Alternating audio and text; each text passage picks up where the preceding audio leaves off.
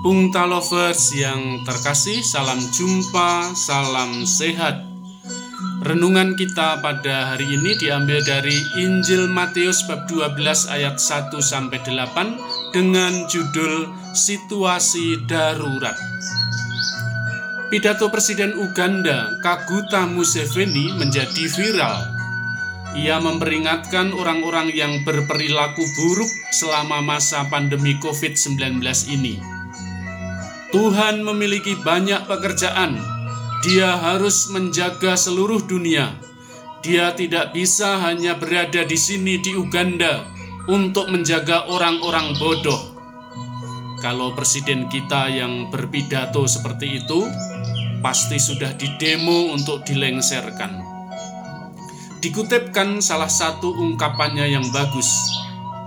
Semasa perang, Anda tidak memaksakan kehendak Anda, anda rela menyerahkannya sebagai imbalan untuk bertahan hidup. Semasa perang, Anda tidak mengeluh kelaparan. Anda menahan lapar dan berdoa agar Anda bisa hidup untuk makan lagi.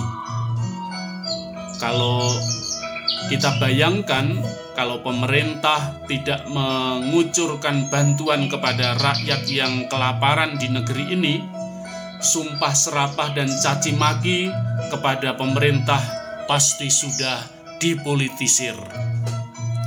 Selama perang, Anda tidak berdebat tentang membuka bisnis Anda.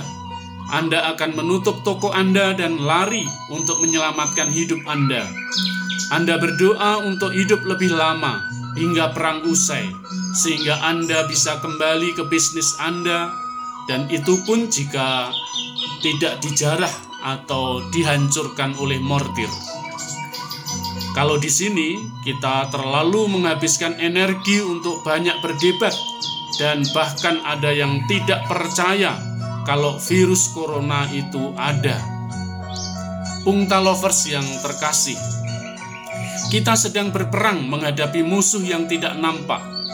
Perang adalah suatu kondisi darurat kebijakan dan keputusan disesuaikan dengan kondisi kedaruratan itu, tidak bisa diterapkan seperti kondisi normal, as usual.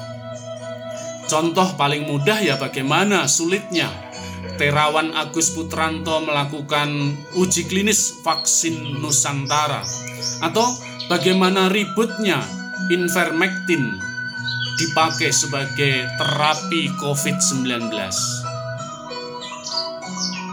Marcus Tullius Cicero pernah mengatakan salus populi suprema lex esto atau keselamatan manusia di atas segalanya. Dalam situasi kedaruratan, keselamatan manusialah yang harus diutamakan. Pungta lovers yang terkasih, Yesus menghadapi orang-orang Parisi yang sangat legalistis Hukum adalah hukum. Mereka sangat mendewas, mendewakan hukum. Mereka suka menghakimi orang lain. Mereka menganggap diri paling benar, pewaris kapling surga. Apa yang tidak sesuai dengan mereka dianggap salah dan berdosa. Pada hari Sabat, para murid memetik gandum dan memakannya. Bagi orang Parisi hal itu melanggar hukum Taurat. Yesus menentang kaum Parisi yang kolot dan kaku itu. Ia tunjukkan praktek bagaimana Daud dan para imam yang melanggar aturan hari Sabat.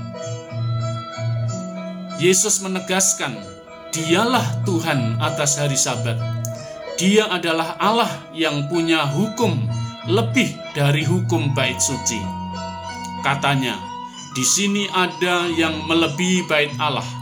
Yang ku kehendaki ialah belas kasihan dan bukan persembahan. Pungta lovers yang terkasih, Allah lebih menekankan kasih demi keselamatan manusia daripada melakukan aturan hukum yang buta. Sudahkah kita menerapkan hukum kasih itu bagi sesama kita? agar mereka diselamatkan? Rambut kepala sudah lebat, tidak berani ke salon selama corona. Dalam situasi serba darurat, keselamatan jiwalah yang lebih utama. Sampai jumpa, jaga kesehatan, jangan lupa happy.